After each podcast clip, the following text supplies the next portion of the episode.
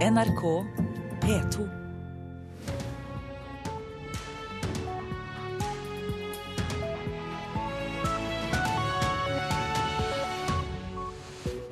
Her i Nyhetsmorgen drar vi straks til New York og nominasjonsvalgene der.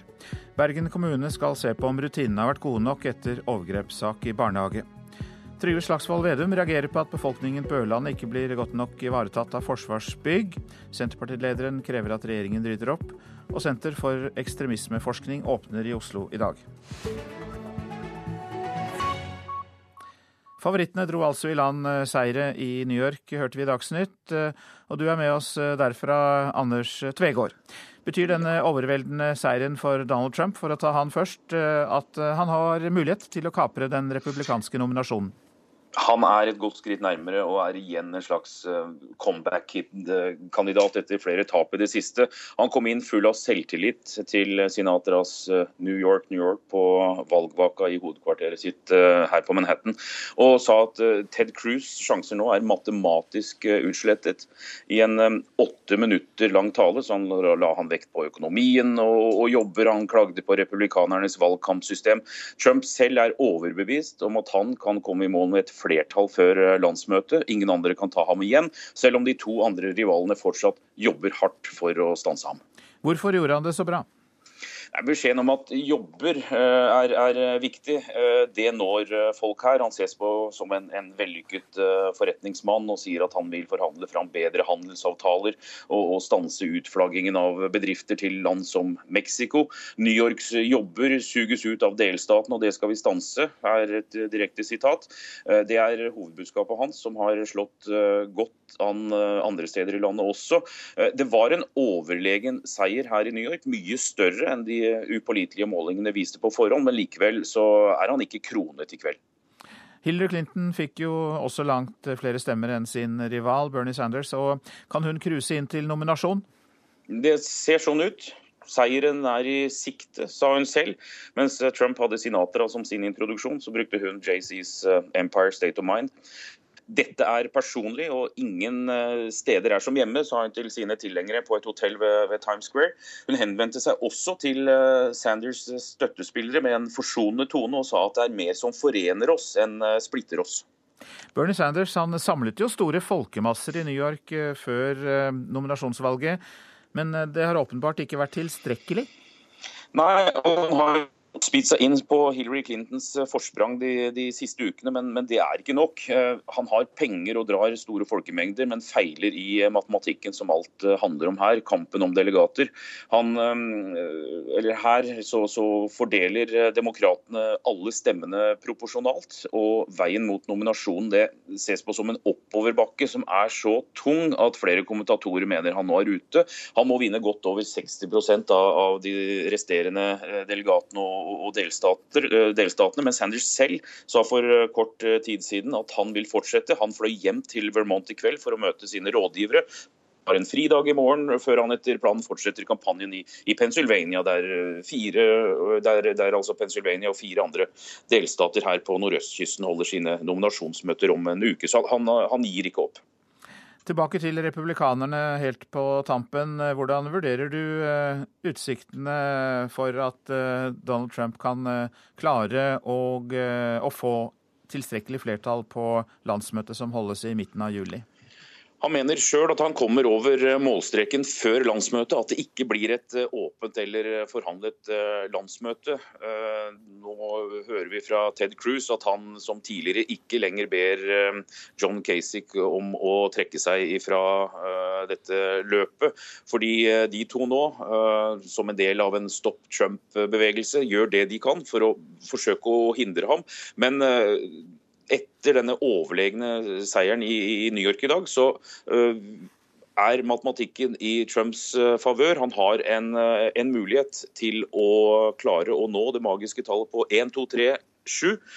Men han må fortsatt vinne stort i de, de resterende delstatene. Men nå sitter også partiets folk i Florida. De møtes der på torsdag for å hamre ut, eh, meisle ut reglene for, eh, for landsmøtet i eh, juli. Og, og, det kommer alle her til å følge med på hvilke regler de, de kommer fram til. Og som du sa, Anders Tvegård, det magiske tallet som han skal nå, er altså 1237. 1237 delegater. Takk skal du ha. Nå om eh, overgrepssaken i Bergen. Et kriseteam vil også i dag være til stede i barnehagen der den overgrepssiktede mannen jobbet. Mannen som er i 30-årene ble pågrepet i går og siktet for overgrep mot til sammen fem barn i to ulike barnehager. Bergen kommune prøver nå å finne ut hvordan overgrepene kunne skje, og skal vurdere om rutinene var gode nok. Det er klart at det vi vil gjøre så fort vi har faktum på bordet i disse sakene, det er jo å gå igjennom om det er noe vi kunne ha gjort for å ha unngått eller avverget det som har skjedd nå. Det sier kommunaldirektør i Bergen kommune, Robert Rastad. Mandag ble en mannlig barnehageansatt i 30-årene pågrepet og siktet for voldtekt av en fire år gammel gutt i barnehagen der han jobbet. Mannen har innrømmet overgrep mot til sammen fem barn i to bergensbarnehager. NRK har vært i kontakt med styreren i barnehagen, som sier saken kom som et sjokk på kollegene. Rastad sier de ennå ikke vet alt som har skjedd i saken, men at kommunen vil se på om rutinene har vært gode nok. Det vi gjør eh, akkurat nå, er at vi avventer faktum i de sakene som nå er under etterforskning, rett og slett for å finne ut hvor er det disse overgrepene skal ha skjedd, og på hvilken måte. Og det er klart at Hvis dette er overgrep som f.eks. har skjedd på tur eller i barnehagens eh, arealer, så vil det påvirke hvordan vi skal se på det. Men eh, generelt så er vi nå opptatt av å få faktum. Marie Therese Skinstad Jansen er leder for Foreldreutvalget for barnehager. Hun mener alle barnehager bør ha rutiner på at de ansatte er minst mulig alene med barna, og at det alltid er flere voksne med på turer. Det som er viktig her, er jo at man har gode rutiner, selvfølgelig, og også at man har nok bemanning. Jeg tenker at Det er viktig å ha fokus på, på sikkerheten til barna, og da er det, det er viktig at man er mange nok som eh, kan se og følge med på barna. Det vi vet er at det er veldig varierende. Noen barnehager er godt bemannet, mens andre barnehager er mindre godt bemannet. I Bergen har kommunen nå søkt om råd fra kolleger i Tromsø kommune. Der ble en barnehageansatt i januar dømt for overgrep mot 15 barn. Saken har ført til økt fokus på rutiner, bl.a. i forbindelse med turer. Det sier rådgiver i Tromsø kommune, Stein Arne Johansen. I alle sånne situasjoner så skal man ikke være alene med, med ungene. Og det er også noe med å, være, å gjøre de ansatte oppmerksom nettopp på at det er slik reglene er. Reporter Siri Løken. Og noen av avisene er også opptatt av denne saken. Vi stolte på ham, han var likt av alle, helt uforståelig. Det er noen av uttalelsene VG har hentet inn fra venner og fra arbeidsgiveren til mannen i 30-åra som altså er siktet for voldtekt av en fire år gammel gutt i Bergen, bl.a.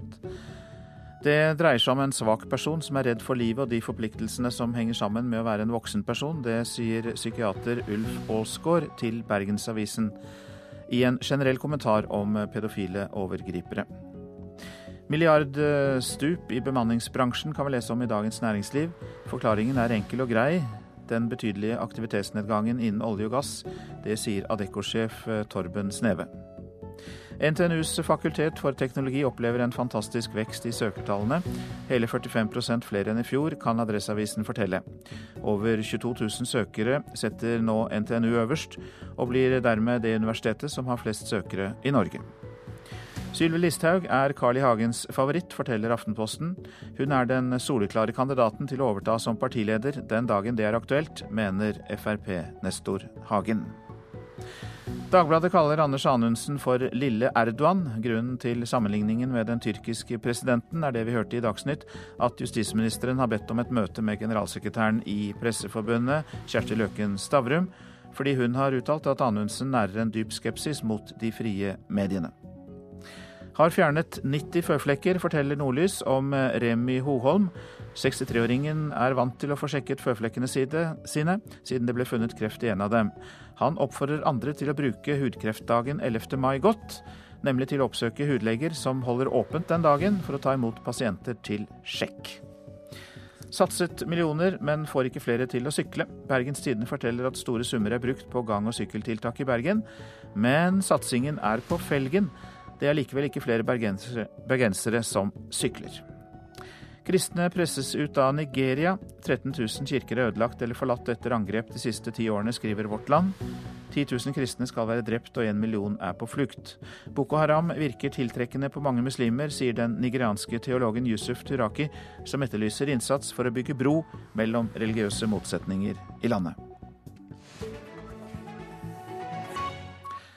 Treneren til Magnus eh, Carlsen tror at hans rival Sergej Karjakins spill rundt den kommende VM-duellen allerede er i gang, mens Carlsen er opptatt med lynsjakk i Norway Chess og dropper russeren den turneringen, og er i gang med forberedelsene til VM-kampen mot Carlsen i eh, november. Carlsens trener eh, mener at det strategiske spillet er i gang. Kajakin vil jo gerne, øh, jeg tror dels vil han gerne skaffe sponsorer i Russland, og så er det jo viktig å indikere at øh, det er mange utgifter. Og så vil han sikkert også gerne intimidere Carlsen litt ved å ja, vise at han har et godt team og kommer til å være veldig godt forberedt. Sier Peter Heine Nilsen, Carlsens trener, om sin elevs kommende VM-motstander. Allerede sju måneder før første brikke flyttes, er maktspillet i gang. Det er jo også litt av altså, mediekrigen på sin hvis du kan si det er i gang. Altså, så jeg tror ikke man skal stole på alle de opplysninger man får i øyeblikket. Liksom. Det er en del av sirkuset omkring en, en VM-match. Allerede er det meldt at Karjakkens apparat vil koste rundt 1 million euro, nærmere 10 millioner norske kroner. At store sponsorer melder seg til tjeneste, og at Russlands sportsminister tilbyr både treningsleir og økt trenerstab.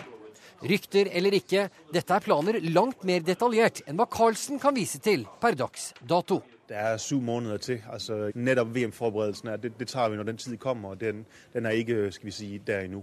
Det kan være den er det for kajakken, men jeg tror for, for Magnus der, der, passer det ham fint å, å prøve å fokusere på, på turneringer i øyeblikket. Men selv om det tilsynelatende bare er kajakken som helt og fullt tenker VM, er ikke det den fulle sannheten. Team Carlsen vet godt hva som venter i november.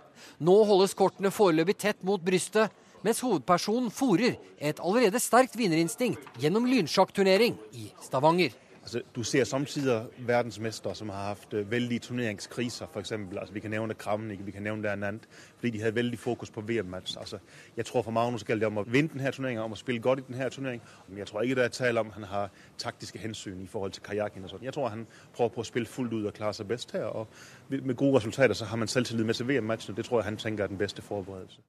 Reporter var Thomas Lerdal. Klokka har passert eh, kvart på sju. Dette er hovedsaker i Nyhetsmorgen. Hillary Clinton og Donald Trump vant overlegent nominasjonsvalget i New York for hvert sitt parti. Det øker sannsynligheten for at presidentvalget i november kommer til å stå mellom de to. En motorsykkelfører i 50-årene døde etter en utforkjøring i Tønsberg i natt. MC-føreren hadde satt opp farten da politiet var på utrykning. Kort tid etter kjørte han av veien, opplyser politiet. Trygve Slagsvold Vedum reagerer på at befolkningen på Ørlandet ikke blir godt nok ivaretatt av Forsvarsbygg. Mer om det snart. I dag åpner statsminister Erna Solberg Senter for ekstremismeforskning ved Universitetet i Oslo. Det skal forskes på høyreekstremisme, hatkriminalitet og politisk vold. Senteret skal også bidra til den internasjonale forskningen på politisk ekstremisme og formidle kunnskap til samfunnet. Og det er vel noe av det du skal gjøre nå, formidle kunnskap. Eh, Anders eh, Ravik Djupskås, eh, velkommen. Takk skal du ha. Du er nemlig forsker og nestleder ved senteret. Hver dag nå så kan vi jo lese om ekstremisme i avisene, men ofte er det ytterliggående grupper innenfor islam. Glemmer samfunnet faren for høyreekstremisme, som åpenbart er det dere skal være mest opptatt av? Ja, altså Definitivt så har man jo det gått delvis under radaren, at det finnes en del høyprofilerte saker. Du har jo selvfølgelig 22. juli i Norge, som mange husker godt. Um, alle sammen, tenker jeg. Og så har du et par andre profilerte saker. Både i Sverige har det vært en, eh, to episoder, en som heter Peter Mangs der, og, og en episode i Trollhättan for ikke så altfor lenge siden. Og i Tyskland var det en gruppe som har gått under radaren til sikkerhetspolitiet i ti år og, og begått flere drap og, og andre typer former for kriminalitet. Og det vi ser er jo at det er en voksende tendens når det gjelder soloterrorisme, særlig begått fra personer fra ytre høyre, hvor det er nesten like mange som har den orienteringen eller den ideologiske eh, eh overbevisningen som de som har en mer militant jihadistisk eh, overbevisning. Men i det lange bildet så går faktisk eh, volden fra høyreekstreme aktører ned, altså hvis man sammenligner med 1990-tallet, hvor det var ganske mye av det. Hvor sterkt vil du si at de ekstreme står her i landet? I Norge så har vi jo vært veldig lite vold, med unntak av denne voldsomme eh, terrorhandlingen 22.07. Eh, og vi må tilbake til 90-tallet for å finne den mer organiserte formen. Og Så finnes det selvfølgelig eh, tilfeller av hatkriminalitet, som senteret også skal se på, og som har en viss likhetstrekk med eh, høyreekstrem ideologi, men ikke nødvendigvis behøver å bli begått av folk med en høyreekstrem overbevisning. Ja, Kan du si litt mer om forskjellen da, mellom det dere definerer som hatkriminalitet og høyreekstremisme? Ja, altså Høyreekstrem terror er jo på en måte den mest ytterliggående formen for hatkriminalitet. Eh, så hatkriminalitet finner du også en mer type både hatefulle ytringer, selvfølgelig, og man finner jo mer eh, sporadiske former for overfall basert på etnisk eller religiøst eller eh, seksuell orientering eller andre nedsatt funksjonshemming. Så den høyreekstreme terroren er jo da som sagt ofte, Det kan også være både planlagt og, og ikke planlagt, men, men, skjer altså mindre i Norge. Men, men vi er, senteret er veldig opptatt av at høyreekstremisme både er en form for voldsforherligelse og voldsutøvelse, men også et sett av holdninger. Slik at det handler også om antidemokratiske holdninger, rasistiske forestillinger, eh, antisemittisme, islamhat, som vi ser betydelig mer av også i Norge. Ja, Mener dere da at uh, sosiale medier påvirker og fører til økt utbredelse av uh, ekstremisme? Ja, Lederen for senteret, Tore Bjørgo, har en formulering der om at uh, høyreekstremisme i Norge, og sannsynligvis en del andre vesteuropeiske land, har gått fra å være på gata til å komme mer på data. Og vi har et par folk der som har gått mye og studerer mye av dette på sosiale medier. Og Der ser man at det har vært en vekst bare det siste året av islamkritiske grupper, fra 2000 til 3000 på verdensbasis. Og noen av de største gruppene knyttet til grupperinger som English Defence League i England og Pegida i Tyskland, har over 200 000 følgere. Så det er med disse grupperingene på nett at man ser en fremvekst av en sånn eh, nye former for fremmedfiendtlighet og til en viss grad høyreekstremisme. Men til slutt, tilbake til utgangspunktet.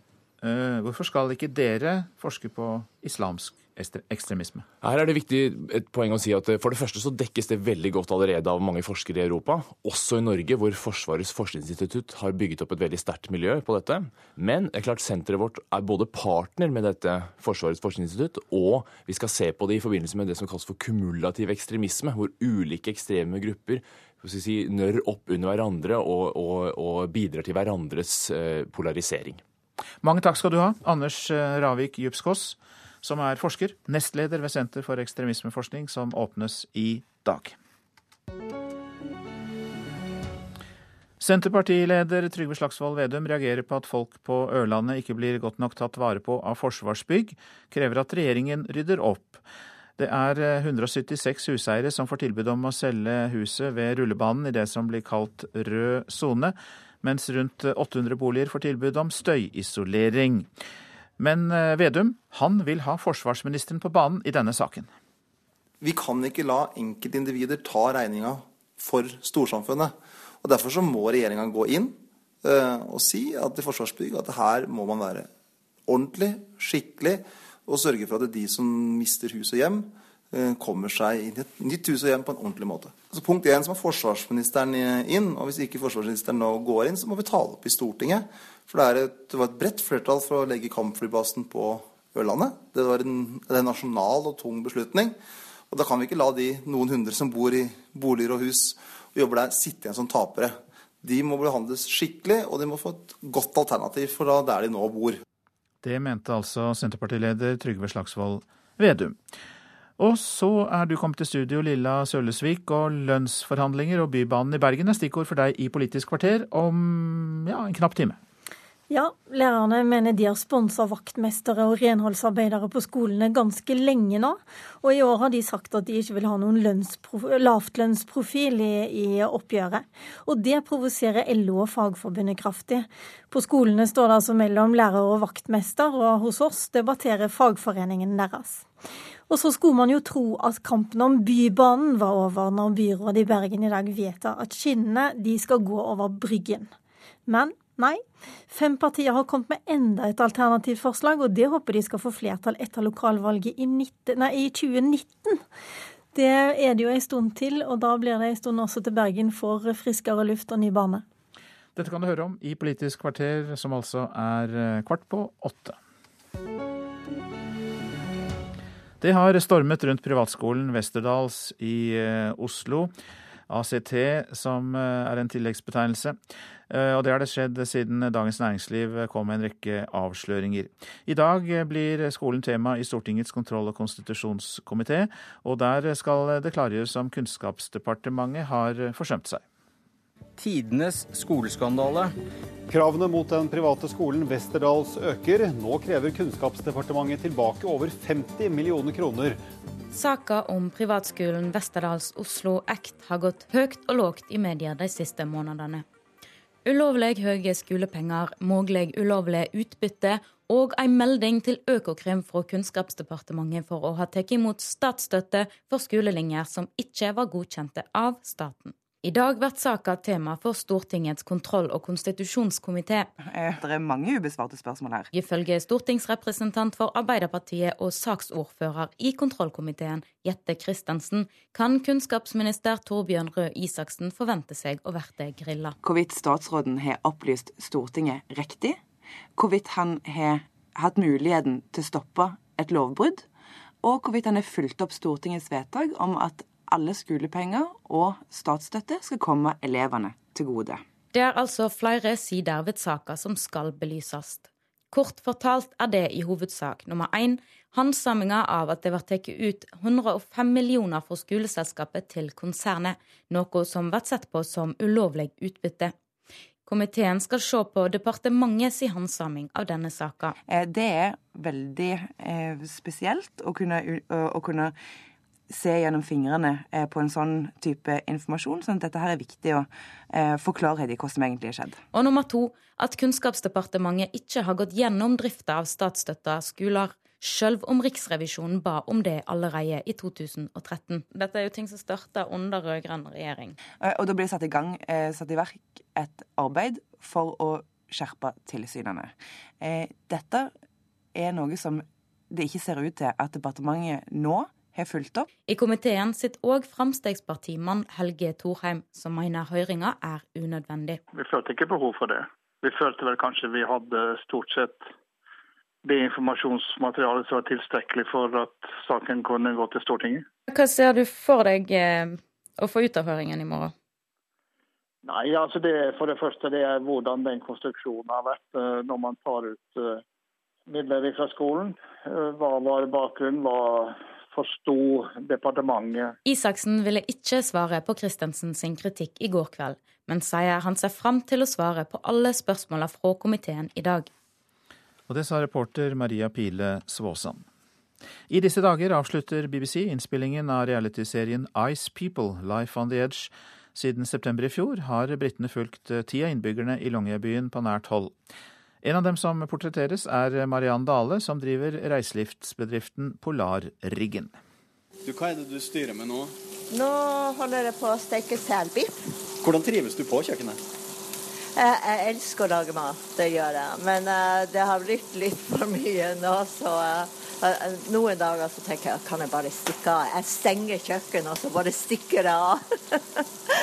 så det, det, er klart. Det er mye i april. Veldig mye. Men i tillegg til at du har mye å gjøre med bedriften din, så har du også hatt et uh, filmteam fra BBC hengende i, i Hærland. Hvordan har det vært?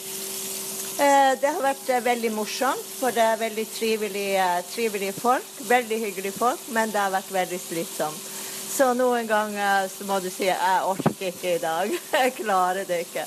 For det, det er snakk om noen ganger så er det snakk om mange timer. Og det er klart at du skal jobbe samtidig som du da skal uh, være oppe og gå, for det må du jo være når du sier ja til å være med på noe sånt. Så må du jo være oppe der. Du kan ikke ha så nær sagt, du kan ikke ligge og krype på gulvet. Var ikke det men, men uh, du må i hvert fall gi. Du, du må gi så mye av det sjøl at etterpå, si når de har filma f.eks. syv timer så har du ingenting. Da er det som lufta går ut av deg, for at du har brukt alt av deg sjøl til å Det er jo klart at når du, du, er med, så vil jo de ha det beste, og kanskje litt morsomt. Og det er klart, det skal jo ikke være noe dødpunkt heller. Å se på ei som står på kjøkkenet og surmuler eller noe sånt. Det må jo være litt artig òg. Så du gir veldig mye. Hvorfor sa du ja til å være en del av eh, serien? god markedsføring. Rett og slett? Rett og slett, ja. Og det er jo ikke bare for meg, det er jo for hele Svalbard så er det jo kjempebra. Hva slags bilde håper du de formidler av lokalsamfunnet her? Jeg har jo sett, De har vist meg noen snutter, og jeg syns det så veldig bra ut. Det er i hvert fall som jeg, de viste meg her tidligere. Det var litt snutt fra alle sammen da. Så um, jeg tror det vil bli et veldig bra bilde av Svalbard. Serien den kommer på, på TV-en til, til, høsten. Hvordan blir det å se seg sjøl på TV-en? Jeg vet ikke om jeg orker å se på. Jeg hater å se meg sjøl på TV.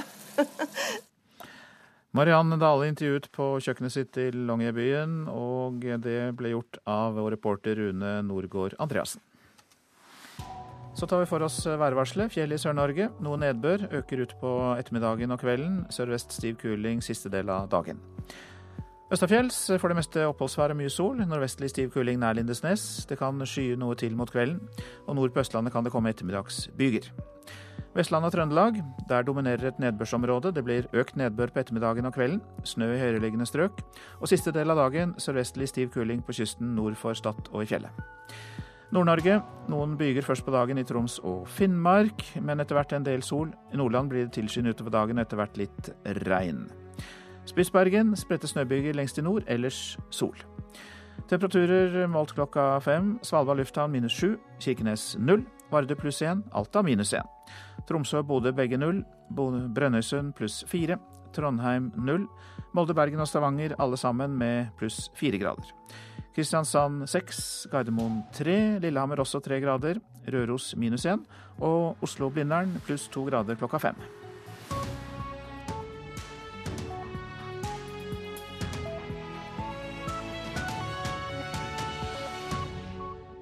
NRK P2. Hillary Clinton og Donald Trump ble vinnerne i New York. To motorsykkelførere omkom i natt. Her er NRK Dagsnytt klokka sju med Vidar Eidhammer. Sjansen for at presidentvalget i november kommer til å stå mellom Hillary Clinton og Donald Trump, har økt etter nominasjonsvalget i New York i natt. Clinton leier klart når om lag halvparten av røystene på demokratisk side er talt opp.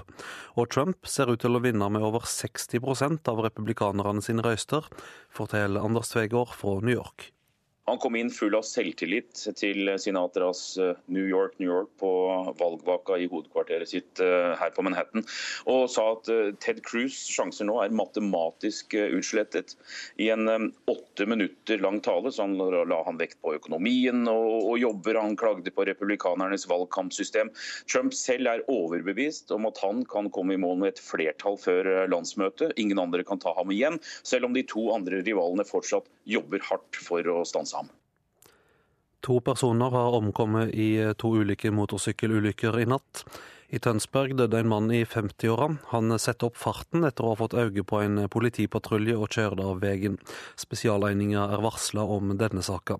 I Enebakk i Akershus døde en mann i 40-åra i ei utforkjøring. Vitner hørte et smell og ringte politiet. Flere melder fra til politiet om voldtekt i fjor. Tallet på meldinger økte med 12% fra 2014 til 2015, ifølge en ny rapport fra Kripos, skriver VG. Særlig stor er økningen av nettrelaterte overgrep, der offer og gjerningspersonen har fått kontakt på internett. I Bergen vil et kriseteam også i dag være til stede i barnehagen der den overgrepssikta mannen jobber. Mannen i 30-åra er sikta for overgrep mot til sammen fem barn i to barnehager.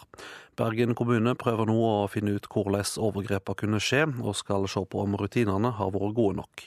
Det er klart at det vi vil gjøre så fort vi har faktum på bordet i disse sakene, det er jo å gå igjennom eh, om det er noe vi kunne ha gjort for å ha unngått eller avverget det som har skjedd nå. Det sier kommunaldirektør i Bergen kommune, Robert Rastad.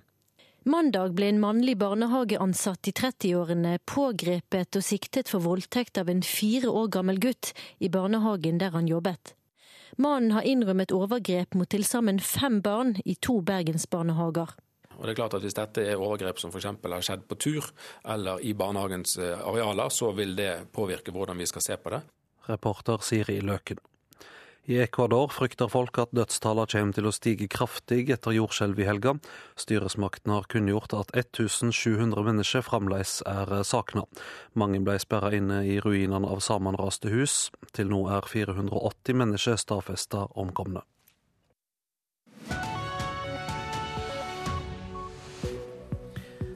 Her i Nyhetsmorgen tar vi straks inn vår korrespondent Tove Bjørgaas fra New York, og USA-kjenner Hilde Restad er i studio og skal kommentere resultatene, de solide seirene for Donald Trump og Hillary Clinton. I Ecuador har mange mistet håpet om å finne overlevende i ruinene. Dommen i saken om soningsforhold mellom Anders Behring Breivik og staten kommer i dag, og en av tre studenter tar opp kredittkortgjeld for å klare hverdagen. Ja, Det var Hillary Clinton som vant på demokratisk side og Donald Trump på republikansk i nominasjonsvalget i New York, og det øker sannsynligheten for at presidentvalget i november kan komme til å stå mellom de to. Today you proved once again there's no place like home. Hillary Clinton gjør det bedre enn venta. Hun leder med 20% etter at nær 95% av røystene på demokratisk side er talde. Dette er dårlig nytt for motkandidaten Bernie Sanders, som har jobba hardt for å tette forspranget til Clinton. Han har vunnet de siste åtte delstatene i den demokratiske nominasjonsprosessen, men nå kan Clinton feire at rekka av tap er bråten. Nå er sigeren innen rekkevidde, sa Clinton til tilhengerne sine i New York. And tonight, little less than a year later, the race for the Democratic nomination is in the home stretch and victory is in sight.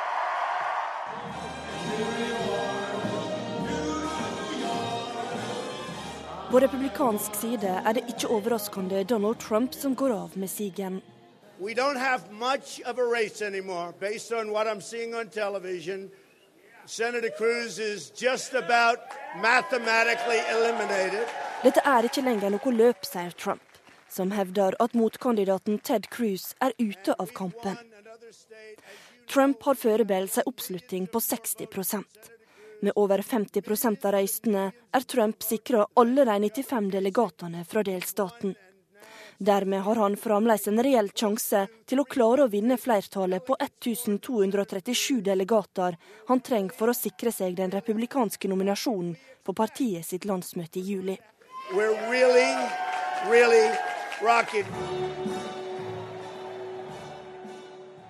det var Marte Halsør som eh, var reporter eh, her. Ja, Donald Trump og Hillary Clinton gjorde rent bord på hver sin side. Og USA-korrespondent Tove Bjørgaas, var du overrasket over så klare seire? Ja, egentlig så var jeg litt overrasket over at spesielt Hillary Clinton vinner med så mye som 15 prosentpoeng på over Bernie Sanders. Han har hatt voldsom vind i seilene her de siste, siste, uka. Jeg var selv på valgmøte med han i går like over East River med et voldsomt engasjement. Veldig mange unge man snakker med sier at de vil stemme på han, men han har altså gått veldig hardt ut mot eh, Hillary Clintons valgkamp her i New York. Og jeg lurer på om kanskje det også har skadet han litt. Hun er jo tross alt herfra og har sterk støtte i mange deler av befolkningen i denne folkerike delstaten. Hilde Restad, førsteamanuensis i freds- og konfliktstudier ved Bjørknes høgskole i Oslo. Du er også her, velkommen. God morgen. Tror du at eh, New York nå blir det springbrettet Hillary Clinton eh, trengte for å si ja, det blir meg? Ja, jeg tror egentlig det. Um, det, har, det siste så har det vært mye snakk om Bernie Mentum. Uh, han har vunnet åtte av de ni siste nominasjonsvalgene, og han begynte å bli, som Tove nå sa, han begynte å bli litt modigere i uttalelsene sine. Um, begynte å snakke om at nå skal vi gå hele veien til landsmøtet, og det, vi, kan, vi skal ta det til gulvet på landsmøtet.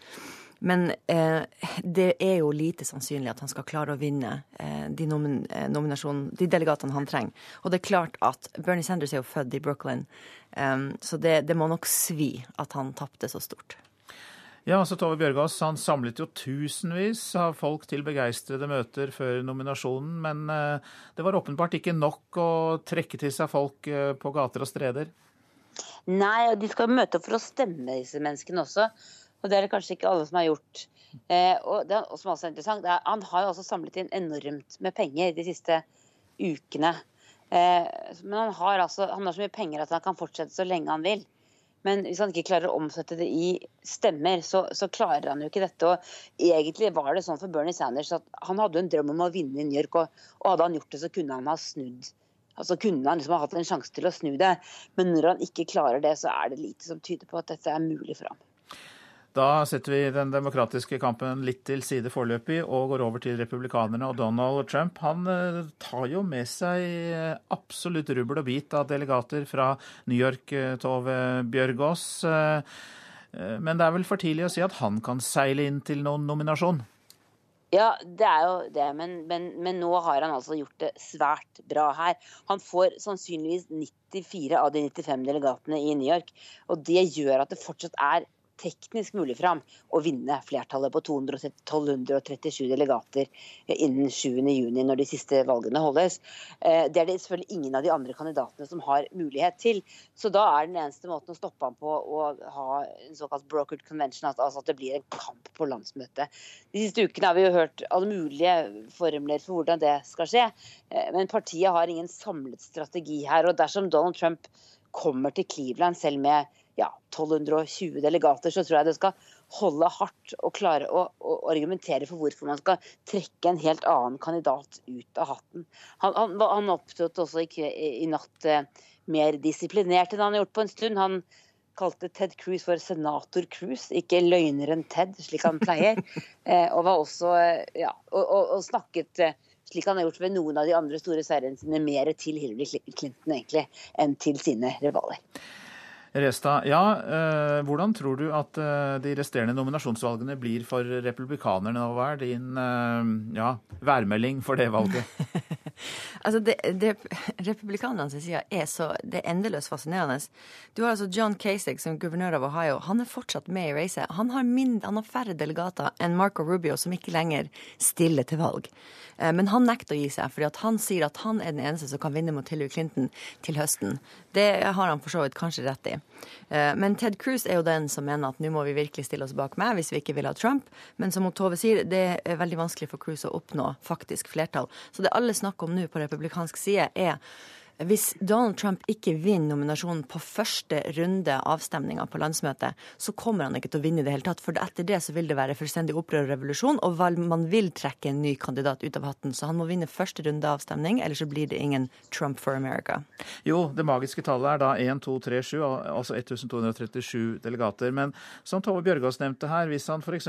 får 1201, mm. altså omtrent 30 færre. Kan de da tillate seg overfor egne velgere å skyve han til side? Ja, det som alle offisielle representanter for eh, det republikanske partiet nå sitter og sier på amerikansk TV, er at hvis han ikke vinner fair and square, første runde, 1, 2, 3, 1, 2, 3 7 delegater, så er all bets are off, eh, og da blir det nye voteringsrunder. Og da kan hvem som helst vinne. Og sånn har det vært bestandig. Sånn er det på landsmøtet. Det er der man velger nominasjonskandidat. Og hvis, altså hvis Trump ikke klarer å vinne fair and square, så har han ikke vunnet. Bjørgaas, det er jo flere spennende nominasjoner igjen, og de får betydning. Bl.a. i folkerike California. Er det kanskje det mest spennende framover nå, eller er det også andre spennende stater? Det er jo det klart største. så Ingenting kommer til å bli avgjort før 7.6 når det er valg i California. Men for, allerede på neste tirsdag så er det en ny runde. Da er det Pennsylvania og Maryland bl.a. Eh, der er det også mange stemmer som skal avgis. Eh, og fortsetter Trump sin framgang der, så vil jo på en måte retningen bli eh, klarere. Men det er jo helt åpenbart at det republikanske partiet er inne i en alvorlig krise. Eh, fordi jeg skjønner i hvert fall ikke hvem det er de skal trekke ut av den hatten. Eh, og det tror jeg ikke de gjør selv heller. Og nå er det også en del Til og med har det vært snakk de siste dagene om viktige personer i partiet som sier de ikke vil stille opp på, landsmøtet i, eh, i juli en gang. Så ja, det er ingenting som Altså denne nominasjonskampen ligner veldig lite på noe vi har sett på veldig, veldig mange tiår. Og det gjør den jo egentlig på begge sider, selv om det nå ser ut til at demokratenes kamp kan roe seg litt ned, tror jeg. Ja, et så eventuelt urolig og uavklart landsmøte hos Det republikanske partiet i midten av juli, Restad, har vel knapt noe levende menneske opplevd i amerikansk historie. Det er veldig lenge siden noe slikt skjedde. 1968 er demokratisk landsmøte. Demokratenes, ja, men på republikanernes side? Republikan ja, de har generelt hatt mye mer orden i rekkene. Eh, det har jo vært, de har vært mer disiplinert og mer hierarkisk. De, det har vært sagt at Democrats want to fall in love, but Republicans fall in line. Og nå ser vi at det er ikke sånn lenger i det hele tatt. Det er en betydelig gruppe republikanere som ikke bryr seg om hva lederne i partiet sier, og som heller ser ut til å ha som ønske å gjøre akkurat det motsatte motsatte av det lederne i partiet sier. Hvem tror du blir republikansk kandidat? Det ser jo ut til at det blir Donald Trump. Eh, men det er så åpenbart at partilederne ikke vil ha han, at man må lure på hva de pønsker frem mot landsmøtet. Altså, Jeg vil jo tro at hvis Bernie Sanders taper mot Clinton, og det ser jo da ut til at han kan gjøre det nå, så vil han kanskje si at ja ja, men jeg klarte å påvirke partiet, kommer han da kanskje til å si. Men hva tror du Donald Trump kommer til å si hvis han blir skjøvet til side fordi han akkurat ikke har eh, de der 1237 delegatene? På sin vanlige tankefulle og elegante måte så har han jo eh, advart mot at det blir såkalte riots. Eh, så han har jo ikke, ikke lagt så mye Han har ikke lagt så mye skyld på at han tror at hans supportere kommer til å take to the streets og lage opprør.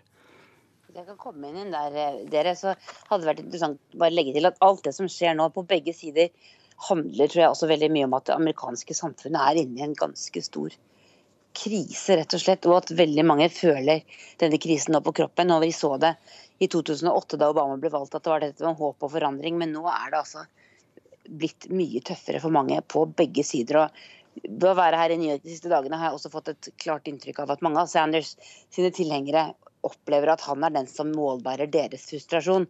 Eh, og, og, at han også er en Selv om han er en politiker, så er det også folk som har kalt han en ikke-politiker.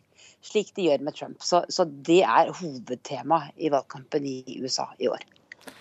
Da lærte jeg, og sikkert også mange av lytterne, veldig mye om nominasjonskampen slik den går og står akkurat nå. Hilde Restad, førsteamanuensis i freds- og konfliktstudier ved Bjørknes høgskole, takk skal du ha. Og tusen takk til eh, vår korrespondent i New York, Tove Bjørgaas. I eh, ettermiddag får massedrapsmannen Anders Behring Breivik vite om han får medhold i at soningsforholdene hans krenker menneskerettighetene. Dersom staten taper, så må man innrette regimet på en ny måte, slik at man ikke lenger krenker menneskerettighetene. Det sier en advokat NRK har snakket med. Fotografene knipsa ivrig idet dørene i den provisoriske rettssalen i Skien fengsel åpna seg 15. mars og massedrapsmannen kom inn fire og et halvt år etter at vi sist så han. Eh, rett er altså satt i Telemark fengsel, avdeling Skien. Og det er jo en noe uvanlig situasjon. Men det er viktig å påpeke at det er de samme reglene som gjelder her som ellers i en uh, rettssak. I fire dager før påske skulle det avgjøres om det var hold i skyldningene fra 22.07-terroristen. Breivik mener han er utsatt for omfattende isolasjon i fengsel, og at hyppige nakenransakinger og bruk av håndjern krenker menneskerettene hans. Vær så god, advokat Storvik.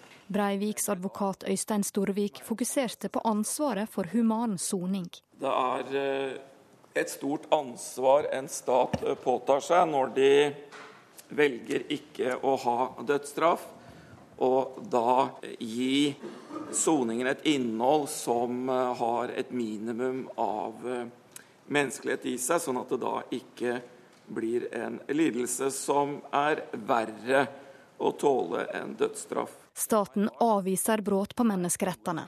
Internasjonal rettspraksis viser at en kan tøye strekken lenger når det gjelder fanger i Breiviks kategori. Ekspert på isolasjon, advokat Thomas Horn, sier at dersom staten blir frifunnet, vil det stadfeste at Norge har handla i tråd med menneskerettene. Det er jo veldig viktig i en sak som dette. Eh, da har vi greid å holde hodet kaldt og, og opptrå på en korrekt måte. Skulle staten bli dømt, så eh, må man innrette regimet på en ny måte, sånn at eh, man ikke lenger, ikke lenger krenker menneskerettighetene. Han vil ikke ta stilling til hvor trulig det er at staten blir dømt, men sier det i prinsippet er mulig at retten kan konstatere brudd på menneskerettene på noen punkt. Det Breivik da vil kunne oppnå, er å få rettens eh, konstatering av at det er et menneskerettsbrudd. Og det håper jeg vil jo man kunne ta som en moralsk seier, da kanskje. Etter det NRK kjenner til, vil Breivik få tilsendt en kopi av dommen på faks i formiddag. Når han har lest den, får han gå gjennom den med sine advokater på telefon. Om han skulle vinne fram med det sivile søksmålet, må kriminalomsorgen endre soningstilhøva i tråd med rettens avgjørelse. Taper han, skjer det ingenting. Dommen er venta å komme i ettermiddag. Sa reporter Katrine Nybø. Klokka har passert 7.17. Dette er hovedsaker. Det var altså favorittene som dro i land seirene i eh, New York i natt. Hillary Clinton og Donald Trump vant eh, nominasjonsvalgene i eh, hvert sitt parti med god margin. To personer har omkommet i to motorsykkelulykker i natt. I Tønsberg døde en mann i 50-åra som satte opp farten og kjørte av veien etter å ha fått øye på en politipatrulje. I Enebakk i Akershus døde en mann i 40-åra i en utforkjøring. Dette var altså motorsykkelulykker begge to. Og antall voldtektsanmeldelser har økt med 12% fra 2014 til 2015, ifølge en ny rapport fra Kripos. Og særlig er det stor økning i nettrelaterte overgrep.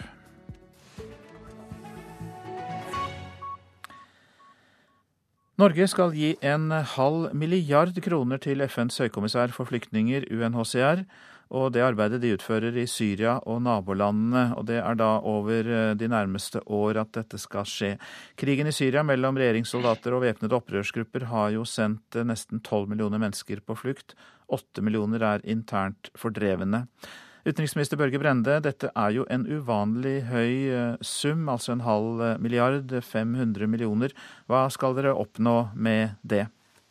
Det er jo også slik at eh, vi står overfor eh, helt eh, uvanlige store problemer når det gjelder flyktninger i Syria, internt fordrevne, og i nabolandene. Og Det vi ønsker er jo å ikke minst gi syriske barn og flyktningbarn en mulighet til skole. Vi vet at man inne i Syria trenger all mulig hjelp og assistanse. Og det er også sånn at mange av disse flyktningene som er i nabolandene, trenger beskyttelse. Tror du at eh, så mye penger kan endre situasjonen betydelig for eh, flyktningene? Jeg håper det. Eh, dette er jo ikke bare et norsk bidrag, men det som vi fikk til gjennom den store internasjonale konferansen som Norge initierte i London, var jo at det ble lovt 12 milliarder amerikanske dollar de nærmeste årene til Syria og nabolandene. Men det er fortsatt en utrolig lang vei å gå. Ta f.eks. Libanon, hvor jeg møtte nå den libanesiske uh, utdanningsministeren. Det er 500 000 syriske flyktningebarn i Libanon. Og fortsatt er det bare 200 000 av de som går på skole. Altså 300 000 barn vokser opp uten noe skoletilbud. og Hvis vi skal unngå at dette blir en tapt generasjon også av syriske flyktningbarn i Libanon, så må vi trappe opp og vi må bruke mer ressurser i regionen. Eh, ellers så vil vi også se at den migrasjonsbølgen vi har stått overfor, blusser opp igjen. Du er i Brussel og skal møte andre europeiske utenriksministre. Vil du eh, ja, kreve av dem at de skal gi like mye som Norge? Jeg håper at eh, flere vil eh, gi den eh, samme type beløp som Norge, ikke bare til Høykommissæren for flyktninger, men også til de andre hjelpeorganisasjonene og de humanitære organisasjonene. Men EU har jo kommet med noen av de største bidragene, så det er jo ikke her først og fremst utfordringa er. Jeg valgte i går å utfordre arabiske ministre og representanter i Gulflandene, så er det et potensial for å bidra mer mer inn både i Syria på den humanitære sida og også i nabolandene. Den syriske opposisjonen trakk seg fra fredssamtalen i Genéve i går. Blir det vanskeligere å få fram hjelp eh, nå, når de har trukket seg ut? Iallfall så har det vært enklere å få frem hjelp så langt i år enn hva det var i fjor. Pga. den våpenstillstanden som eh, man ble enige om for åtte uker siden, så har det jo eh, vært slik at hundretusenvis av mennesker som ikke har fått tilgang på medisiner, mat, rent drikkevann, har fått hjelp. Eh, hvis eh, våpenstillstanden opphører, og det blir igjen krig og konflikt som preger, så blir det vanskelig å få inn den humanitære eh, støtten også. Jeg håper jo at alle partene kommer til forhandlingsbordet igjen eh, i Genéve. Dette kommer til å bli avgjørende uka, men også samtalene mellom USA og Russland er jo her svært viktige, fordi man må finne løsninger for hvordan skal man kunne fase ut Assad og legge mer av makta i eh, Damaskus til en overgangsregjering hvor alle partene sitter rundt bordet. Takk skal du ha, utenriksminister Børge Brende, med oss eh, på telefon fra Brussel. I Pedernales i Ecuador har mange mistet håpet om å finne overlevende i ruinene. Det sier 42 år gamle Fabian Bermeo, en ecuadorianer som bor i kystbyen. Han har lett etter overlevende og koordinert nødhjelp i over tre døgn, sier han til NRK. Alt uh, siden dette jordskjelvet rammet uh, så hardt på lørdag. Vi leter og leter i ruinene, men det eneste vi finner er døde. Derfor har jeg lite håp om at vi finner flere i live nå, sier ecuadorianeren Fabian Bermeo til NRK. Pedernales i går ettermiddag. Nok en båre hentes ut av redningsarbeidere. Den døde legges på et lasteplan og fraktes vekk. I over tre døgn har de lett etter liv, men nå svinner håpet om å finne flere overlevende. Det har gått mye tid. Det er svært vanskelige leteforhold og mye regn. Det har sjelden vært tomrom igjen folk kan overleve i under de store steinblokkene som har falt ned, sier Bermeo. Han var med på å lete etter overlevende og gi folk mat i to døgn i strekk etter jordskjelvet. Selv om mange er døde, har han sett noen lyspunkter. Muchas familias, niños, vi har funnet hele familier og barn i live i ruinene. Vi har hentet ut folk som ble beskyttet av klesskap, og som overlevde, sier Bermeo. Pedrenales var få mil fra jordskjelvets episenter, og minst 147 mennesker er døde. Myndighetene frykter at det reelle tallet er langt høyere, og at det vil stige de neste dagene. Den frykten deles av de andre regionene i det jordskjelvrammede området i Ecuador sa reporter Haldor Asvald. Så ser vi litt på avisene og forsidene. Vi stolte på ham, han var likt av alle, helt uforståelig. Det er noen av uttalelsene VG har hentet inn fra venner og fra arbeidsgiveren til mannen i 30-åra som er siktet for voldtekt av en fire år gammel gutt i Bergen. Det dreier seg om en svak person som er redd for livet og de forpliktelser som henger sammen med å være en voksen person. Det sier psykiater Ulf Aasgaard til Bergensavisen i en generell kommentar om pedofile overgripere. Milliardstup i bemanningsbransjen kan vi lese om i Dagens Næringsliv. Forklaringen er enkel og grei. Den betydelige aktivitetsnedgangen innen olje og gass, sier Adecco-sjef Torben Sneve. NTNUs fakultet for teknologi opplever en fantastisk vekst i søkertallene. Hele 45% flere enn i fjor, kan Adresseavisen fortelle. Over 22 000 søkere setter NTNU øverst, og dermed blir det det universitetet som har flest søkere i Norge. Sylvi Listhaug er Carl I. Hagens favoritt, forteller Aftenposten. Hun er den soleklare kandidaten til å overta som partileder den dagen det er aktuelt, mener Frp-nestor Hagen. Dagbladet kaller Anders Anundsen for lille Erdogan. Grunnen til sammenligningen med den tyrkiske presidenten er at justisministeren har bedt om et møte med generalsekretæren i Presseforbundet, Kjersti Løken Stavrum. For hun har uttalt at Anundsen nærer en dyp skepsis mot de frie mediene. Har fjernet 90 føflekker, forteller Nordlys om Remi Hoholm. 63-åringen er vant til å få sjekket føflekkene sine, siden det ble funnet kreft i en av dem. Og han oppfordrer nå alle andre til å bruke hudkreftdagen 11. mai godt. Nemlig til å oppsøke hudleger som holder åpent den dagen for å ta imot pasienter til sjekk.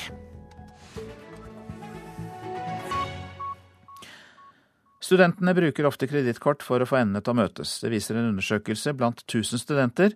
Én av tre sa at de tar opp kredittkortgjeld for å dekke nødvendige utgifter. Undersøkelsen var bestilt av studentavisa Universitas og Norsk studentorganisasjon. Jeg har fått noen ganger ikke godkjent når jeg har dratt kortet. Det har jeg. Men jeg har alltid klart å trikse det til på en måte. Økonomiske utfordringer er et velkjent problem for mange studenter. Håvard Nordtveit, student ved Høgskolen i Sogn og Fjordane, er blant de som har slitt med å få studentøkonomien til å gå rundt. Så, nei, det er jo Jeg har fått lånt penger av eh, foreldre, da, og så har jeg eh, jobbet når jeg har hatt eh, fri og sånn. Og har også brukt mastercardet noen ganger. Nordtveit er ikke alene om å ta i bruk kredittkort for å få økonomien til å gå rundt. Ei fersk undersøking fra Semtio viser at én av tre studenter bruker kredittkort til å betale nødvendige utgifter. Litt over 1000 studenter deltok i undersøkinga. Norsk studentorganisasjon er en av de som har bestilt undersøkinga. Lederen deres, Therese Lerøen, liker ikke resultatet. Det er jo veldig synd at det er så mange som må sette seg i kredittkortgjeld for å komme seg gjennom studieløpet. Men vi vet jo at studentøkonomien er veldig dårlig. Så det at studentene må ty til andre inntektskilder, er ikke um, overraskende, for det gjør de. Men det å sette seg i kredittkortgjeld er veldig synd. Lerøen peker på låg studiestøtte som hovedårsaka til gjeldstrenden. Ja, Den er for lav i dag. Når vi ser eh, på tall på den eh, studiestøtten studentene får i dag, og med de utgiftene de har gjennom bolig og boutgifter generelt, mat og nødvendige kostnader som må dekkes, så går studentene i snitt 4000 kroner i minus i måneden med det beløpet de mottar eh, i dag. Og det betyr at man er avhengig av å hente ganske mye penger fra andre steder enn studiestøtten. Nordtveit er enig med Lerøen i at studiestøtta er for liten. Det går ikke an så å si uten å ha en jobb ved siden av. Han sitter i kantina på skolen sammen med noen klassekamerater. Benjamin Dokken er en av dem. Dokken tror at hyppig bruk av kredittkort fort kan lede til en ond sirkel. Det vil jo kanskje komme igjen senere i livet, men det er jo mange som betaler med kredittkort, og så betaler de det igjen med en gang. Og så har de på en måte det gående måned etter måned. Han mener det likevel ligger mye lærdom i å klare seg på lite penger. Du lærer mye av det. Og så ser du på, du ser på prisene på butikken på alle varene som er der. og Du må tenke deg om før du går ut på byen eller skal kjøpe deg noen nye klær eller lignende sånt. Sjøl har han blitt bedre på dette med tida. Det blir bedre og bedre. Vanene mine de blir gode. Og så hvis det er så gale at eh, jeg nærmer meg null på kontoen, så kan jeg bare kjøpe en pakke med nudler og kose meg. Og reporter her var Martin Thorstveit. Du lytter til Nyhetsmorgen. Produsent i dag Kari Bekken Larsen. Her i studio Øystein Heggen. Sør-Afrikas president Jacob Zuma har 700 korrupsjonsanklager mot seg. Tom Christiansen forteller mer etter Dagsnytt. Lærer står mot vaktmester i lønnsoppgjøret. Derfor står Utdanningsforbundets leder Steffen Handal mot Fagforbundets leder Mette Nord i debatten i Politisk kvarter kvart på åtte.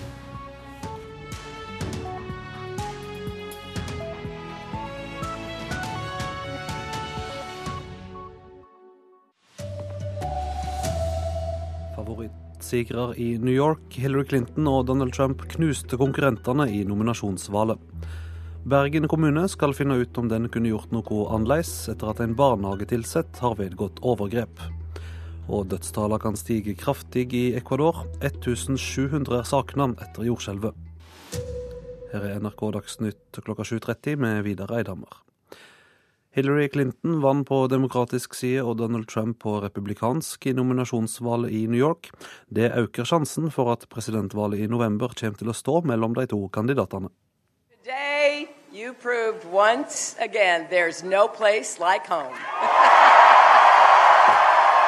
Hun er ett steg nærere til å bli demokratene sin presidentkandidat. Med siger i heimstaten New York kan Hillary Clinton feire at rekkja med tap er bråten. Over 90% av røystene er talte, og Clinton ligger an til å få 58% Nå er sigeren innen rekkevidde, sa Clinton til tilhengerne sine i New York. The race for the Democratic nomination is in the home stretch, and victory is in sight.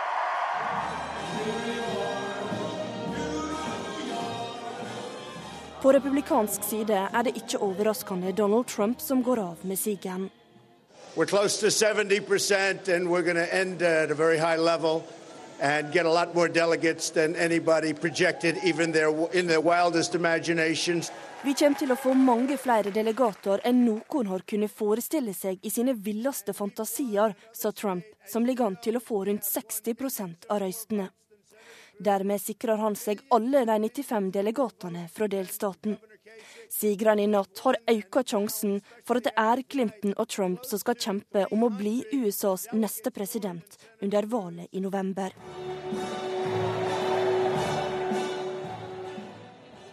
Reporter var Marte Halsør. USA-korrespondent Tove Bjørgaas, de to var favoritter. Hadde de andre egentlig en sjanse i dette valget? Det var jo mye som tydet på at f.eks. Bernie Sanders skulle ha en mulighet til å til å kunne slå Clinton, fordi han har hatt en voldsom eh, framgang i det siste og har samlet veldig mange folk til valgmøter her i New York. Men han tapte altså så det sang. Hun vant med 15 prosentpoeng Eh, og Det betyr vel egentlig at Sanders ikke lykkes med å samle velgere i en stor, viktig delstat som New York, og at dette ikke kommer til å være mulig for han å klare å stanse henne. Var Trumps siger overraskende stor? Det var helt ventet at han kom til å vinne, men den var overraskende stor. Han vant altså 94 av de 95 delegatene i New York, og nå har han fortsatt mulighet til å sikre seg flertallet eh, av delegatene når valgprosessen avsluttes i California 7.6. Eh, det er fortsatt vanskelig for han å klare det, men det er ingen andre kandidater som kan klare det. Så, så han klarte også på en måte å snu litt bølgen som har vært mot ham de siste ukene. Førte dette valget til en endelig avklaring for eh, noen av kandidatene? Nei. Bernie Sanders reiste hjem til Vermont i natt for å diskutere strategien videre. Han har altså masse penger og kan fortsette valgkampen, men det er tydelig nå at han vil ikke kunne klare å ta igjen Clinton. Når det gjelder Donald Trump og det som skjer på republikansk side, så er det helt umulig å spå om hva som vil skje på dette landsmøtet deres i juli, der store deler av partieliten sier at de vil gjøre opprør mot Trump og bruke partireglene til det. Så denne nominasjonsprosessen er helt historisk, eh, i hvert fall på republikansk side. Vi vil, vi, dette har vi ikke sett eh, i amerikansk politikk på mange tiår. Ja, så Selv om eh, Trump skulle vinne klart i folket i disse, så kan likevel landsmøtet si nei til han som presidentkandidat? Får han flertall på 1237 delegater, da er det han som har fått flertall, og da blir det veldig, veldig vanskelig å stoppe ham. Men skulle han få et par delegater mindre enn det, så blir det flere avstemningsrunder på dette landsmøtet i juli. Og da vil man kunne stille helt åpent hvem som blir eh, kandidaten på republikansk side. Heimen Bergen kommune skal se på om rutinene har vært gode nok etter overgrepssaker i barnehager i byen. Et kriseteam skal i dag være til stede i barnehagen der den overgrepssikta mannen jobba da han ble pågrepet mandag. Det er klart at det vi vil gjøre så fort vi har faktum på bordet i disse sakene, det er jo å gå igjennom eh, om det er noe vi kunne ha gjort for å ha unngått eller avverget det som har skjedd nå. Det sier kommunaldirektør i Bergen kommune, Robert Rastad.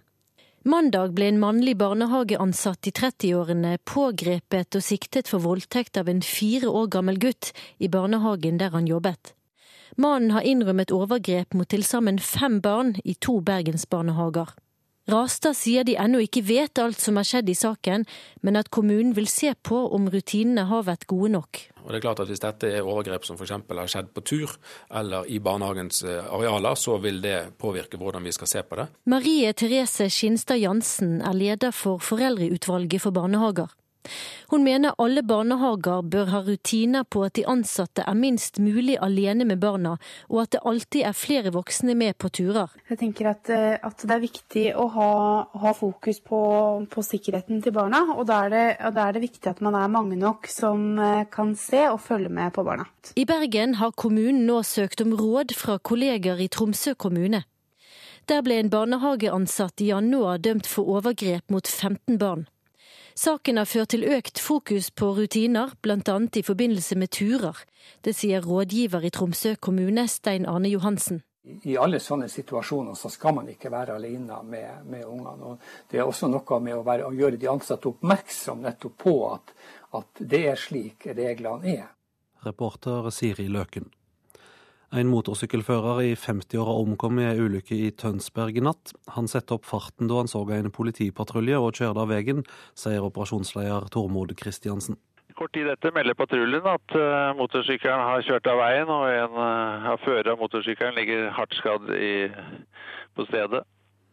De starter uh, førstehjelp, og ambulanse blir varslet. En lege som eh, på sin fritid passerte stedet, bisto inntil ambulansen kom. Senere har vi fått bekreftet fra sykehuset at han omkom av skadene han ble påført ved utforkjøringen. Spesialeininger for politisaker er orientert om ulykka, og i Enebakk i Akershus omkom en mann i 40-åra da han kjørte av veien. Det var vitner som hørte et smell og ringte politiet. I Ecuador frykter folk at dødstallene kommer til å stige kraftig etter jordskjelvet i helga. Styresmakten har kunngjort at 1700 mennesker fremdeles er savna. Til nå er 480 mennesker stadfesta omkomne. I Pedernales har mange mista håp om å finne overlevende i ruinene. Det sier Fabian Bermeo, som bor i byen, til NRK. Vi leter og leter i ruinene, men det eneste vi finner er døde. Derfor har jeg lite håp om at vi finner flere i live nå, sier ecuadorianeren Faviang Bermeo til NRK. Pedernales i går ettermiddag. Nok en båre hentes ut av redningsarbeidere. Den døde legges på et lasteplan og fraktes vekk. I over tre døgn har de lett etter liv, men nå svinner håpet om å finne flere overlevende. Det har gått mye tid. Det er svært vanskelige leteforhold og mye regn. Det har sjelden vært tomrom igjen folk kan overleve i under de store steinblokkene som har falt ned, sier Bermeo. Han var med på å lete etter overlevende og gi folk mat i to døgn i strekk etter jordskjelvet. Selv om mange er døde, har han sett noen lyspunkter.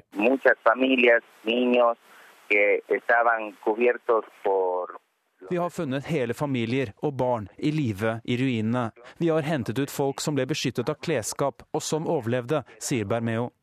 Reporter Haldor Asvald. Generalsekretæren i Norsk Presseforbund, Kjersti Løken Stavrum, har blitt kalla inn til møte med justisminister Anders Anundsen etter at hun kritiserte hans syn på den frie pressa. Det skriver Dagbladet i dag. Flere kommer nå med kritikk mot justisministeren. Justisminister Anders Anundsen har flere ganger fått kritikk for sitt forhold til pressen. I forrige måned stilte Anundsen opp i en helsides annonse om samfunnssikkerhet. En av dem som kritiserte ham da, var generalsekretær Kjersti Løken Stavrum. Den 16. mars i år sender Anundsen et brev til generalsekretæren, forteller avisa Dagbladet, hvor han ber om et møte med henne for å klargjøre det han kaller en misforståelse om hans syn på den frie pressen. Han skriver også at ytringer skal være selvfølgelig for enhver borger, også statsråder. I Dagbladet får Anundsen kritikk fra bl.a. venstreleder Trine Skei Grande, som mener Anundsen forsøker å kneble en kritiker. Også Arne Jensen i Norsk redaktørforening reagerer på brevet. Løken Stavrum selv sier til avisa at hun ser frem til et eventuelt møte med ministeren, men at det kanskje ikke er naturlig at det skjer på teppet hos ministeren selv. Anundsen sier til Dagbladet at han ikke forstår kritikken, og at det er malplassert å se på dette som noen form for innkalling til møte, snarere en vennlig invitasjon. Sa reporter Christian Ingebretsen. Ansvarlig for eh, sendinga var eh, Anne Skårseth.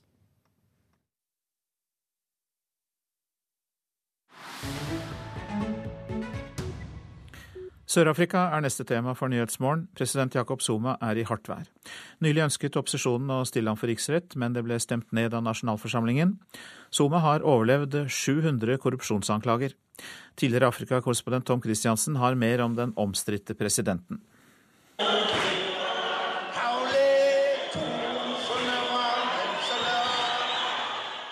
Det er presidenten som leder allsangen, og han får publikum med seg. Han er i joggesko med et leopardskinn over skuldrene. Den tykke magen disser. Han er pyntet med perlesnorer og fjær. Han synger sin favorittsang Umsini Wam, Hent mitt maskingevær. En president synger sin kampsang mer enn 20 år etter at kampen er over. To av hans forgjengere fikk Nobels fredspris. Det er zuluhøvdingen som danser, for det er det han er. Høvding knyttet til stammens århundrelange regler og tradisjoner. Kristen, men bundet til fedretroen. Det er de døde som styrer. Han avviser kritikk fra vestlige land med at kolonimaktene ikke skjønner seg på Afrika.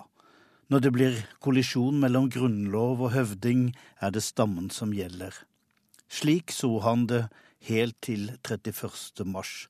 Da dømte konstitusjonsdomstolen ham for å ha krenket landets grunnlov. The president thus failed to uphold, defend and respect the constitution as the supreme law of the land.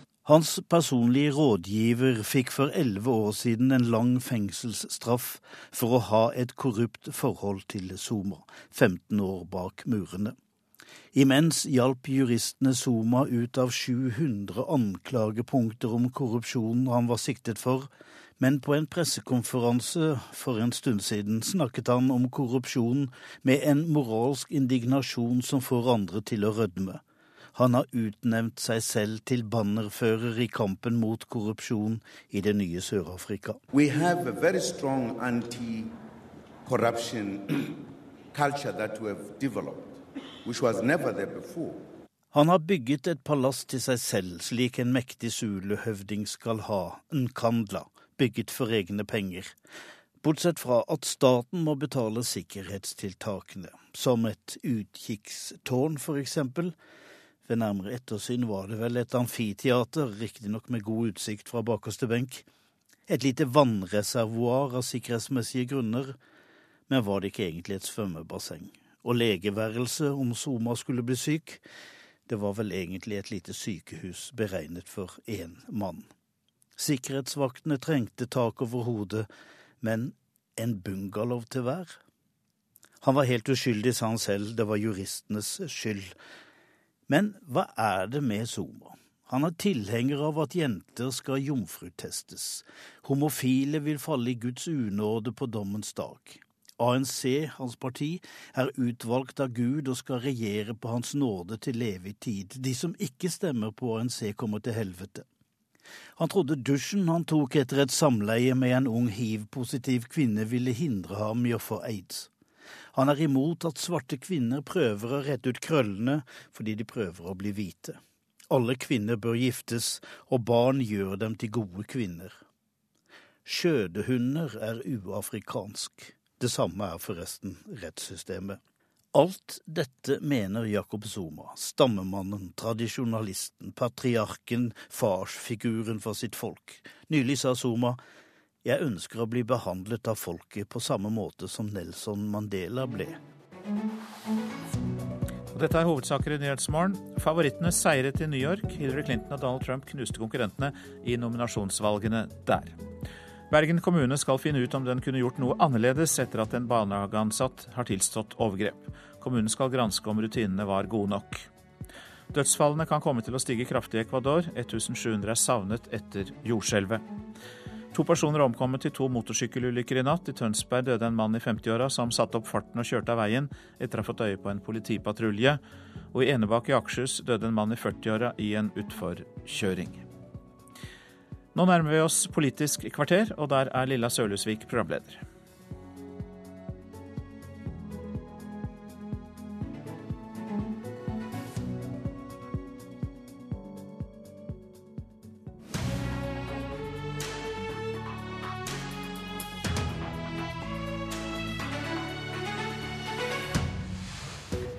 Hvor lenge skal lærerne sponse lønnsutviklingen til vaktmesterne og renholdsarbeiderne på skolen? Utdanning må lønne seg, mener Unio. Solidaritet lønner seg enda mer, svarer Fagforbundet. Og i dag vedtar bystyret i Bergen at det blir bybane over Bryggen. Men tro ikke det blir avgjort med det. Fem partier vil ha omkamp i 2019. Velkommen til Politisk kvarter, Steffen Handal, til vanlig leder i Utdanningsforbundet, men i disse lønnsforhandlingsdager så er du også forhandlingsleder for eh, Unio. Hvorfor fortjener lærerne høyere lønnsøkning enn vaktmesterne på skolene nå ved oppgjøret i år? Jeg tror det er viktig å si at når jeg og Mette setter oss ved forhandlingsbordet i KS, eh, så gjør vi allerede en solidarisk handling når vi sier at eh, lønnspotten som vi skal forhandle om, den skal være om lag på samme nivå som det i privat sektor.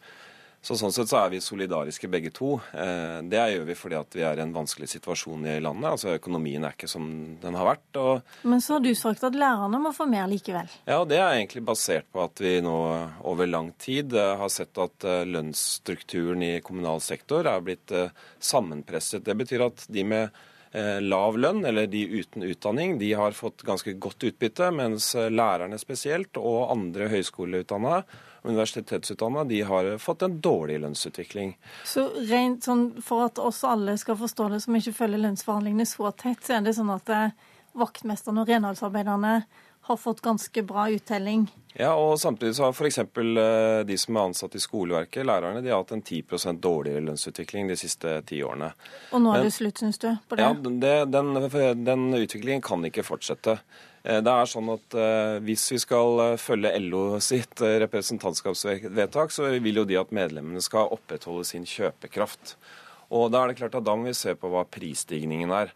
Den er anslått å komme på 2,5% Det betyr at hvis du, en, hvis du, skal følge den kjøpekraftsutviklingen, så må så må alle medlemmene få en lønnsutvikling på 2,5 Ok, Men nå Men må vi bare- høre litt på Mette Nord, som Men du allerede har jeg må presentert. bare føye faktisk. til en Et lite øyeblikk skal du få ordet. Velkommen, Mette Nord. Du er leder i Fagforbundet og organiserer bl.a. de vaktmesterne og renholdsarbeiderne som Handal mener er blitt sponsa av lærerpotten opp gjennom årene. Er det på tide at det er dere som viser solidaritet med de som har tatt lange utdanninger nå? Nei, Jeg syns det er en veldig spesiell form for eh, definisjon av solidaritet. Eh, og eh, det er slik i Norge, vi, har, eh, vi er stolte av en tradisjon hvor vi har små forskjeller. Lønnsoppgjørene er et av de virkemidlene hvor man har en omfordeling, en fordeling, sammen med, altså, og skatt er det andre. Eh, Og Da er det viktig at man prøver å se helhet. Og, at, eh, og lærerne de er helt avhengig av både vaktmesteren, kontormedarbeideren og renholderen samt andre yrkesgrupper. Det samme gjelder alle andre sektorer. Men hvor lenge skal den solidariteten gå, da? Til de kjenner det samme? Nei, nå skal det være slik at eh, I kroner og øre så har både lærere og høyskoleutdanna de har fått mer i penger, men det er kanskje en noe svakere prosentutvikling. Men folk lever altså av penger og ikke prosenter. Og sånn sett, hvis en snur dette på hodet, så bruker renholderen og vaktmesteren prosentvis av sin lønn mer for å betale de helt nødvendige eh, dagligdagse varene som eh, alle trenger. Og Handal, svar på det. I kroner og øre for, har lærerne fått mer? Bare bruke LO sitt krav 2 som de leverte i går. Der foreslår de at lærerne skal ha en lønnsvekst på 2% mens alle andre skal ha en lønnsvekst på 2,6% Det innebærer at de i skoleverket skal finansiere lønnsutviklingen til de uten høyere utdanning. Og Vi kan ikke fortsette med det. og det, Dette er ikke et problem som Unio eier. Dette er et problem som et offentlig utvalg har pekt på. Holden-utvalget sier nemlig at eh, utstrakt bruk av kronetillegg og en lavtlønnsprofil i kommunal sektor, det er faktisk et problem. Eh, Og Det vil altså bety at utdanning ikke vil lønne seg når du jobber i kommunal sektor. Jeg har lyst til å spørre Mette Nord om det. Altså, hvis utdanning skal lønne seg, eh, hvordan skal det komme til uttrykk?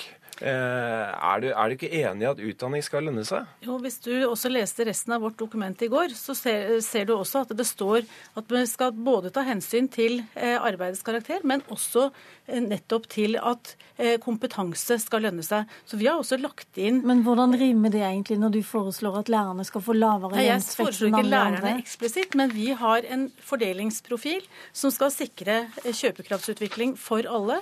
Og vi ønsker ikke at man skal i innføre en lønnsstruktur som Utdanningsforbundet og Unio nå foreslo, med en struktur som systematisk går eh, hver sin vei. Sånn at fagarbeidere og eh, de uten formell kompetanse systematisk får en negativ lønnsutvikling, mens de andre eh, får en høyere. Og da vi har- tror vi vi har- at vi man må også, se helheten. Men, ja, det er riktig. Bare som for ja. å forklare det, så er vel poenget det at du vil ha en egen forhandling på de, for de som har høyere utdanning, eh, Handal? Ja, fordi at vi har sett på en utvikling. Altså Den, den utviklingen som, eh, som Mette Nord nå fortsatt eh, krever overfor KS, den har ført til at de med høyere utdanning har kommet dårligere ut. Vi kan ikke fortsette sånn.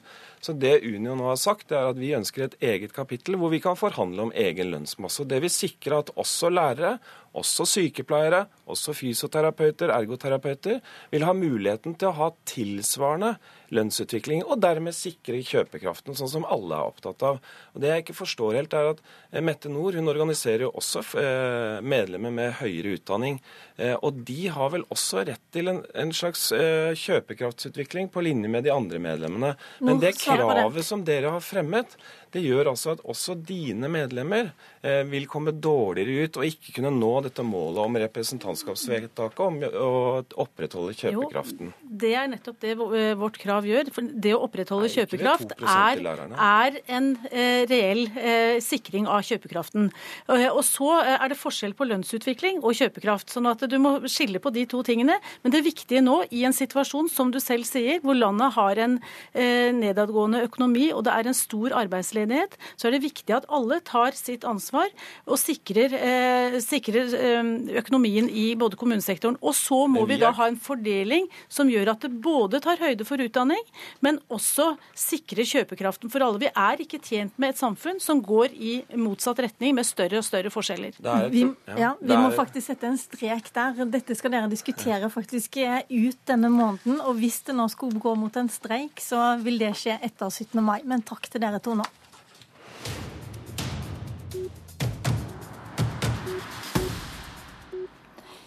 I dag vedtar bystyret i Bergen at Bybanen til Åsane den skal gå over Bryggen.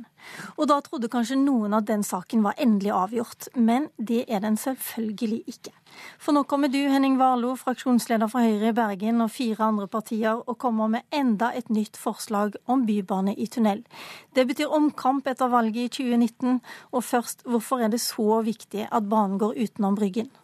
Eh, det handler selvfølgelig om å skåne Bryggen, som er et verdensarvsted, eh, for store inngrep. Men det handler også om eh, å gi Åsane, en stor bydel på ca. 50 000 mennesker, en raskere baneløsning. Slik at ved å la banen gå i tunnel under og gjennom Bergen sentrum, så får man en raskere bane. Og man skåner de trange sentrumsgatene for bybaneanlegget, og kan dermed frigjøre plass til f.eks. fotgjengere og syklister. Men det alternativet er jo ikke engang utreda, og det er lenge til 2019. Hvor lenge har dere tenkt at byens befolkning skal vente på renere luft og bedre klima, som vi hører om hver eneste vinter? Nei, vårt forslag bygger på tidligere eh, forslag som har, som har vært utredet. Eh, ikke alle deler av vårt forslag er utredet, men heller ikke alle deler av det forslaget byrådet legger frem i dag, eh, er utredet. Der er en god del eh, arbeid som gjenstår å gjøre, men det er viktig å si til folk andre steder i Bergen at mens, eh, andre steder i Norge at mens det kan virke som om vi krangler hver dag i Bergen om Bybanen, så bygger vi også Bybane hver eneste dag. Nå eh, vet vi i Politisk kvarter at det krangles andre steder også, men jeg har lyst til å dra inn eh, Geir Sigurd Dale. Du leder byutviklingskomiteen og representerer Arbeiderpartiet i Bergen. Dere stemmer i dag for denne traseen over Bryggen, selv om Arbeiderpartiet egentlig ville ha tunnel. Er du litt glad nå for dette initiativet fra opposisjonen? Nei, det er vi jo selvsagt ikke. Dette initiativet som nå kommer fra opposisjonen, det er mer rot og kaos i byen og en vanskelig avklaring på bybanespørsmålet mot Åsane. Forslaget som nå kommer, det er ikke godt utreda. Det kommer til å bli kostbart. Det gir en veldig lav og dårlig kollektivandel for sentrum og en dårlig kollektivdekning for sentrum. Ja, Det har vært et argument der, Valo, at hvis du legger Bybanen over, over Bryggen, så får du med flere personer i sentrum. Du får flere stopp, og du får dekka flere personer. Ja, og jeg syns det argumentet ikke holder i det hele tatt. Ehm, fordi? Nevnt, for, fordi at eh, det er ikke så veldig mange som skal gå på eh, Bybanen på Bryggen. Det som har vært argumentet, har jo vært at Bybanen må være synlig i sentrumsgatene. Eh, og da syns jeg man røper at man har en veldig dårlig tro på Bybanen som, som et attraktivt kollektiv, kollektivmiddel. Hva mener du da, en ny turistattraksjon over Bryggen, er det du tenker på? Nei, altså dette med at Bybanen skal være så synlig, det det, var kanskje et godt argument når Bybanen var helt ny og, og, den ble planlagt og bygget for første gang. Nå er Bybanen en stor suksess. Bybanen server eh, eh har eh, passert 10 millioner passasjerer eh, årlig. Eh, og Bybanen nordover kommer til å bli en suksess dersom den kan konkurrere i reisetid. Vi planlegger et opplegg med tunnel under sentrum og et stort underjordisk, en stor underjordisk stasjon som kommer sentralt midt i rådhuskvartalet i Bergen sentrum og vil være tilgjengelig for trafikanter fra hele byen. Og vær klar over det at Bergen sentrum er veldig lite og intimt. Det er veldig korte avstander. Det er ikke noe problem å gå to-tre minutter for å komme til en stor stasjon. Dale, Venstre, Kristelig Folkeparti og SV har en fjerdedel av stemmene i Bergen, og ca. en fjerdedel av representantene. Hvordan kan dere la de bestemme i denne saken, som er så viktig for byen? Det er jo slik at Arbeiderpartiet skulle jo gjerne bestemme all politikk i eh, Bergen. Eh, og med vårt 38,1 eh, tilslutning, så, så, skulle vi jo sånn sett ønske det. Nå er det ikke slik verden er. Vi må forhandle om et styringsdyktig flertall i bystyret. Vi har fremforhandlet en byrådsplattform som er spekket med Arbeiderparti, god arbeiderpartipolitikk. Og Bybanen mot Åsane handler ikke kun om bybane langs Bryggen. Den handler om hele traseen. Og vi har fått inn gode løsninger for resten av traseen. Men det gjør vondt i Arbeiderpartiet også, ja, dette her. Dere hadde et vondt gruppemøte senest i forrige uke. Det smerter å tape en politisk sak som man har jobba for. Men når vi ser helheten og hensynet til at byen skulle få et styringsdyktig flertall, så har det ikke vært vanskelig å jobbe for den løsningen som nå blir vedtatt i bystyret i dag. Varlo, Det pikante i denne saken er jo at den forrige ledelsen i Bergen Høyre var sterkt overbevist om at traseen måtte gå over Bryggen. Og hvis det var dere KrF og Venstre ville jobbe med i byråd, så hadde kanskje resultatet blitt det samme? Nei, det tror jeg nok jeg kan garantere at det ikke ville blitt. Høyre var gjennom en veldig opprivende intern strid knyttet til Bybane og Bryggen, det er helt riktig. Men vi kom ut av den som et veldig samlet parti, som nå tror at den løsningen med tunnel er mye mer fremtidsrettet. Det gir en mye raskere og mer moderne kollektivtilknytning for Åsane. Og vi skåner de historisk viktige områdene og de trange sentrumsgatene. Her trenger vi plass både til folkeliv og til syklister og til, traf, eh, til eh, fotgjengere. Men hvordan ser du for deg at dette skal foregå? Eh, nå vedtas traseen over Bryggen. Skal dere liksom i 2019 med eventuelt nytt flertall rive opp de der sporene og så starte på nytt?